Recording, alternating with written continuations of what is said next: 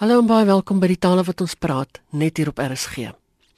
Later in die program fokus ek op die 9de kongres van die Suid-Afrikaanse Vereniging van Neerlandistiek wat onlangs in Parys in die Vrystaat gehou is. Maar eers vra ek die boer die kuns af en in die geval die kuns van vertaling.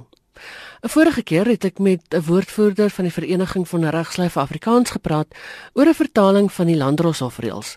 Nou vandag gesels ek met die taalpraktisyn en vertaler Tom McLaughlin oor die kuns van vertaling.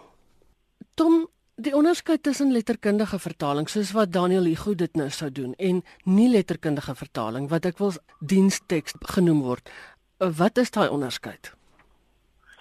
Jong, uh Ina, dit sal baie moeilik wees om om te probeer definieer wat die onderskeid is. Ek dink net dis belangrik om te weet dat daar wel 'n onderskeid is en dat 'n mens die twee goed eintlik heeltemal ben, anders benader.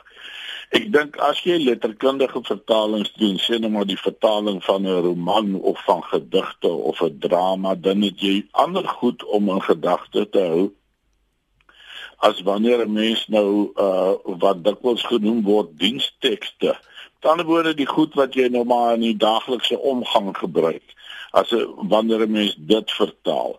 My al wat ek uh, belangrik is is om te weet is dat ek glad nie soort van literêre vertalings doen nie. Dit ek het nog nooit die geleentheid gehad ek het dit nog nooit regtig probeer nie.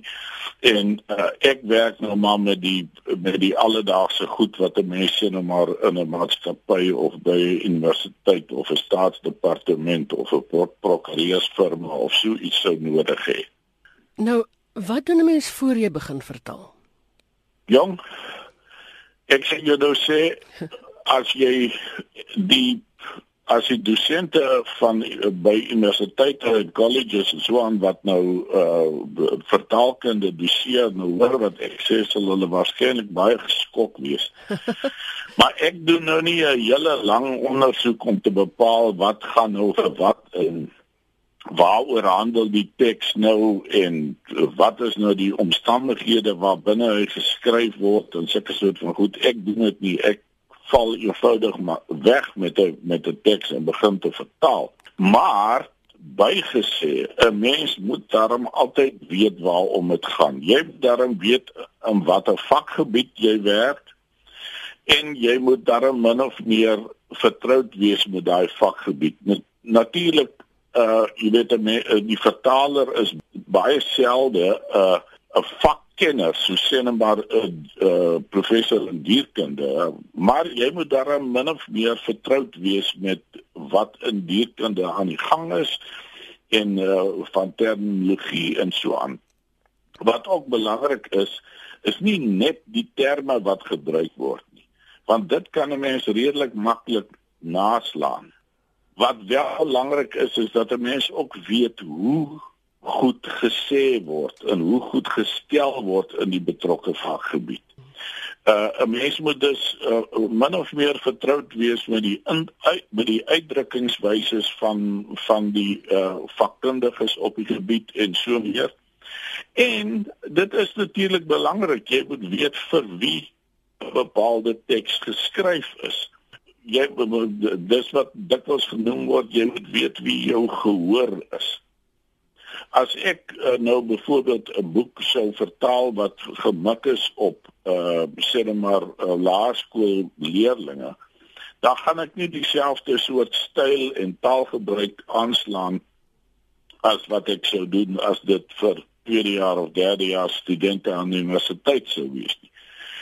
Of as ek sou uh 'n 'n ding moet vertaal wat in 'n koerant verskyn sê dan maar oor, oor een of ander regs uh, saak dan gaan ek dit 'n bietjie anders aanpak as wanneer ek dit vir prokureurs sou skryf of of vertaal. So 'n mens moet daarom weet waantoe jy mik. Maar uh, soos ek gesê het, ek doen nou nie 'n vreeslike omvattende ondersoek na al die omstandighede waarin die teks geskep is en waartoe hy op pad is nie, maar 'n mens moet daar min of meer jouself kan plaas binne binne die uh konteks, die breër konteks waarin 'n bepaalde teks uh gebruik word. Watter soort bronne het mens nodig? Seker woordeboeke en die soort van ding? Ja, uh, uh, natuurlik. Kyk, die eerste ding wat ek dink natuurlik van absoluut kardinale belang is, is dat 'n mens in jou brontaal, met ander woorde die taal waaruit jy vertaal, en die taal waarin jy vertaal is die sogenaamde doeltaal. 'n Mens moet 'n baie goeie kennis van albei hê. As jy nie 'n goeie kennis van jou brontaal het nie, dan kan jy baie maklik goed verkeerd vertolk. Jy kan uh byvoorbeeld 'n idiomatiese uitdrukking of so iets verkeerd verstaan en jy kan by 'n totaal verkeerde resultaat uitkom as jy vertaal. En dan natuurlik die 'n uh, uh, uh, mens streef altyd daarna om jou vertaling in die beste moontlike taal te produseer. Met ander woorde, jy moet ook weet jy moet jou doeltaal goed genoeg ken om nie onidiomatiese uh, vertalings te skep nie. So dit is jou eerste bron. Jy moet die twee tale wat ter sprake is, moet jy goed ken. Die tweede ding is natuurlik nou maar woordeboeke. Jy weet in in Afrikaans is ons eintlik baie uh, geseënd in die sin dat ons 'n geweldige klomp vakwoordeboeke het woordeboeke wat gemaak is, geskep is in die afgelope uh amper 'n eeu seker vir bepaalde vakgebiede. Ehm um, jy weet of dit nou dierkunde of plantkunde of tuinboukunde of die geneeskunde of stadsbeplanning of regte of wat die geval ook al mag wees, ons het werklik waar 'n groot aantal sulke woordeboeke wat mense kan gebruik. Nou Party van hulle is al baie oud, maar 'n mens moet dan nou maar 'n bietjie aanpas. Uh ek dink die feit dat baie woordeboeke deesdae ook in elektroniese formaat beskikbaar is, maak dit natuurlik baie makliker om byvoorbeeld sekere soektogte te doen. 'n Mens kan dikwels uh, vakkundige handboeke gebruik. Sien nou maar jy uh ons het nou begin praat oor dierkunde dan is daar handboeke of of ensiklopedieë of iets wat jy kan gebruik wat vir jou 'n aanleiding kan gee. En dan natuurlik vergeleke met die tyd toe ek begin het as 'n vertaler, uh is die internet 'n uh, ontsaglike bron en 'n baie nuttige bron. Ja, mense kan dit natuurlik uh nie sommer blindelings gebruik nie en 'n mens moet 'n bietjie oordeelkundig wees. Ja. Maar dit is iets uh wat wat van onskatbare uh waarde is deesdae. Nou ek sê mens moet dit nie onoordeelkundig gebruik nie en daarom is dit vir elke vertaler of iemand wat as dit uh, redigeer dit werk baie belangrik om so wyd belese as moontlik te wees, jy weet. Ehm um, sodat 'n mens later aan half 'n uh, uh, instink begin ontwikkel om te weet wanneer iets nie heeltemal pleis is nie. Maar deesdae met die elektroniese media en die internet en so aan uh is 'n vertaler eintlik baie baie beter daaraan toe as wat hulle 30, 40 jaar gelede was. So dit is maar die basiese agtergrond wat 'n mens nodig het wanneer jy uh met 'n vertaling begin. Dit was die vertaler en taalpraktisyn Tomme Klaglin. Nou ons sit die gesprek in 'n volgende program voort en dan spesifiek oor spesialisvertalings soos wetgewing. Soos ek vroeër gesê het, het die Nederlandistiek Vereniging se kongres onlangs plaasgevind. Die vereniging bemoei hom met taal en letterkunde bande tussen Suid-Afrikaanse akademici en hulle kollegas in Nederland en België. Eerste aan die woord is professor Jacques van der Elst. Professor, u was instrumenteel in die herstel van bande, akademiese bande met Nederlandse universiteite en Nederlandstalige universiteite. Vertel ons 'n bietjie daarvan. Ons weet almal dat uh Suid-Afrika ook op wat betref ons tale geboikot is. Daar was 'n lang boikot en dit het uitgeloop die sogenaamde kulturele boikot van Suid-Afrika en dit het ons baie ernstig geraak ook met departemente Afrikaans, Nederlands in die land. In 1990 was dus die ommeswaai, die dankbare ommeswaai. Wat het gebeur? Uh die Nederlanders en die Vlamingen het weer toenadering begin soek. En dit het uitgeloop en nou praat ek dus van Nederlandse akademici. Uh dit het uitgeloop op 'n groot kongres wat ons 1992 gehou het. Dis die eerste groot kongres na baie lang jare want die akademici uit Nederland en Vlaandere was selfs verbied om met ons te kom praat om kontak vir akademici uit Suid-Afrika was dit moeilik om soontoe te gaan om toegang tot tot die akademie te kry. Uh, 1992 het ek uh, op Potchefstroom 'n groot internasionale kongres gereël en daar ek as ek nog kan onthou was daar 15 internasionale dosente uit Nederland en daar was selfs finansiële steun vir daardie kongres vanuit Nederland. Die eerste amptelike steun vanuit Nederland en Vlaandere vir die hou van so 'n kongres. Nou 1972 was 1992 was 'n wonderlike kongres en ons uh, en daarmee is daar is die momentum begin vir wat nou vandag hier gebeur. Nege kongresse later van 1992 af het ons nou vandag hierdie wonderlike kongres oor Nederlands in Suid-Afrika. Hoekom is dit belangrik om dit te hê, daai bande tussen Afrikaans en Nederlands? Dit is gewoon so dat ons uh die studie van Afrikaans eintlik moet sien uh moet verbind aan die studie van Nederlands. Ehm um, as mens dink aan die Middel-Nederlandse letterkunde, dan moet kan ons sê dit is eintlik ou Afrikaanse letterkunde. Daar lê ons wortels van die taal. Ons kennis van Afrikaans kan 'n mens kry deur middel van die studie van die ou Middel-Nederlandse tekste. Ook die uh en wat is wonderlik om daardie ander kultuur ook te ken, 'n verwante kultuur wat ons kan kan byvoeg by wat ons weet en wat ons ken hier in Suid-Afrika. So en uh, ek dink dit is belangrik dus dat ons steeds daardie bande bly behou. Ons letterkunde groei natuurlik. Uh en die korpus van die letterkunde word so breed en wyd dat die Nederlands dalk bietjie uh verdwyn, dalk uh, verdryf word. Maar te gelyke tyd is dit tog steeds belangrik om kennis te neem van daardie verwante kulture in Vlaandere en Nederland. Dit was professor Jacques van der Elst. Die voorsitter van die vereniging is professor Nerina Bosman van die Universiteit van Pretoria. Professor Bosman, hierdie was nou die of is nou die 9de kongres van die SAVN. Uh vertel ons 'n bietjie van van jaar se kongres. Ja, van jaar se kongres, ons het altyd 'n baie stimulerende tema dink ek. Ehm uh, die kongres tema hier dan kontrapunt kontrastiewe en komparatiewe perspektiewe op die Afrikaanse en Nederlandse taal en literatuurstudie.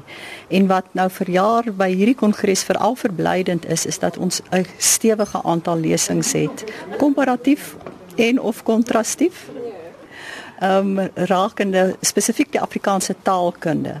Daar die uh, wat aan die oomblik aan die gebeur is is regtig opwindend. Sowel in Suid-Afrika as in Vlaandere veral is daar nou simposia en kolloquia oor Afrikaans in vergelyking met of in kontrapunt met die Nederlandse taal?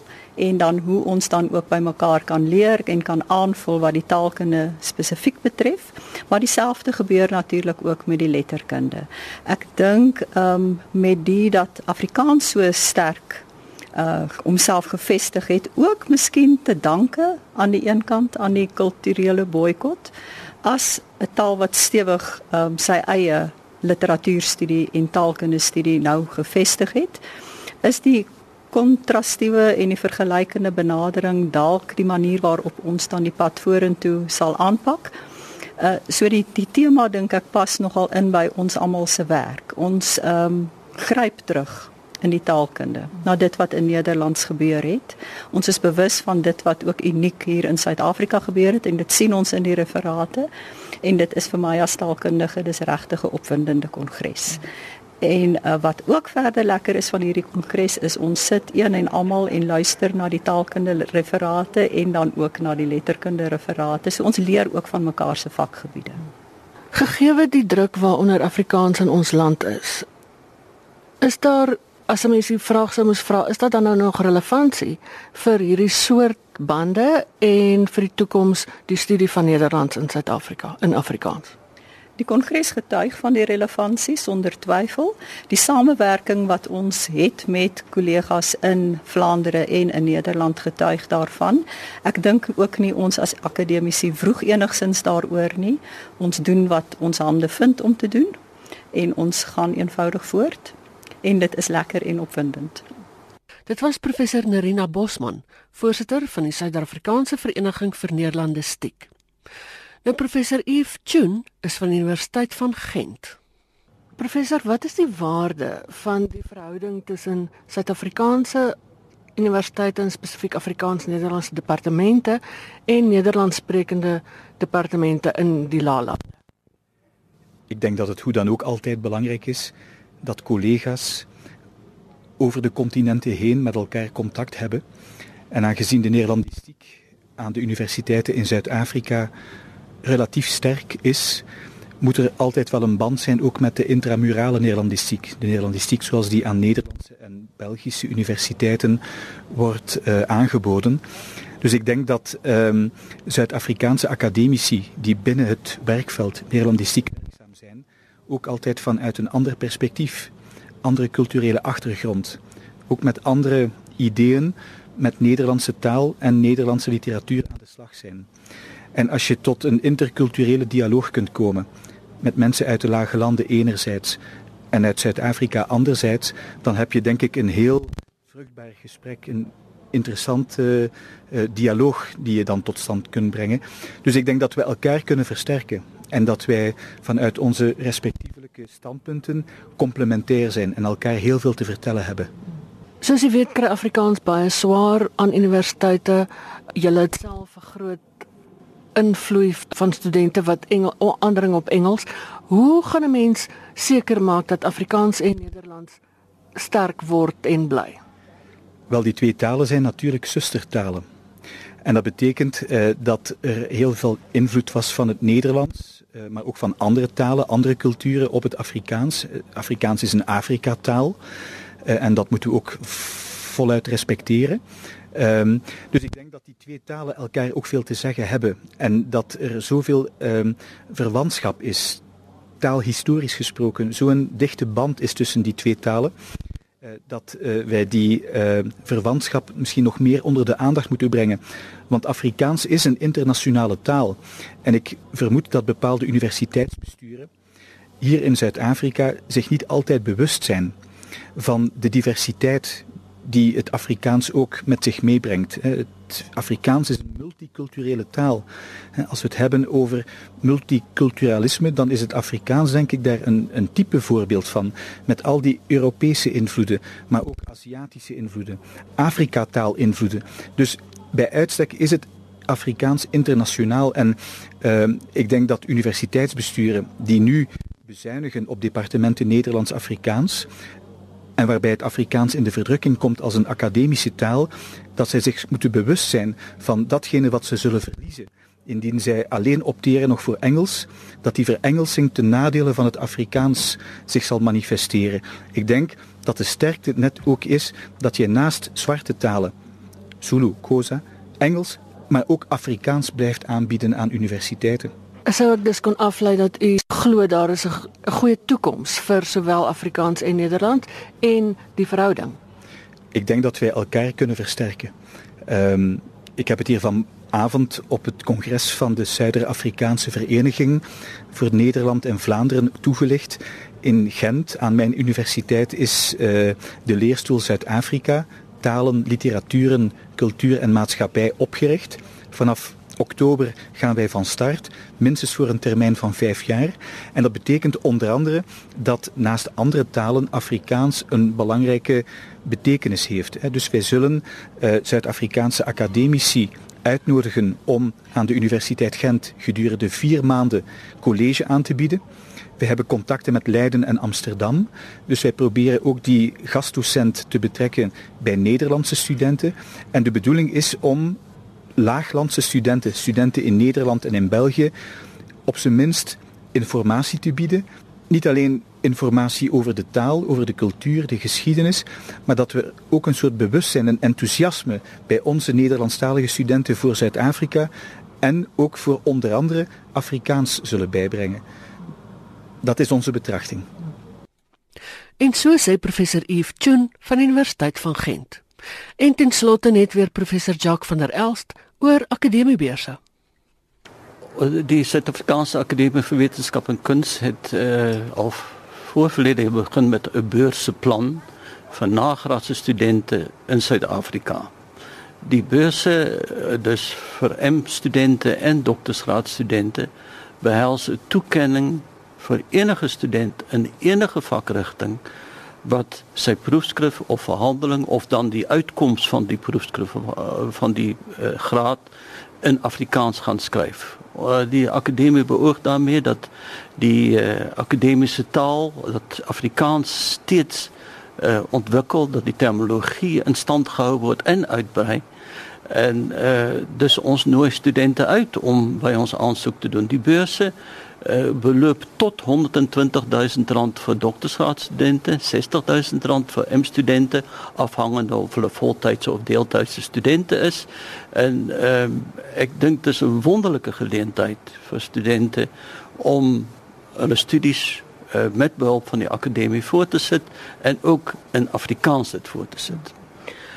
Hoe kan hulle meer uitvind oor die beurskema? Hulle kan uh na die uh tuisblad van die akademie toe gaan, akademie by akademie.co.za of hulle kan maar regstreeks met my skakel. Dit is 'n maklike een, jvde by absamail.co.za en dan kan hulle al die inligting by ons kry. Professor Jacques van der Elst, ek sal sy kontakbesonderhede op die webwerf publiseer. En daarmee het ons aan die einde gekom van 'n baie besige program. En van my Ina Strydom groete tot 'n volgende keer.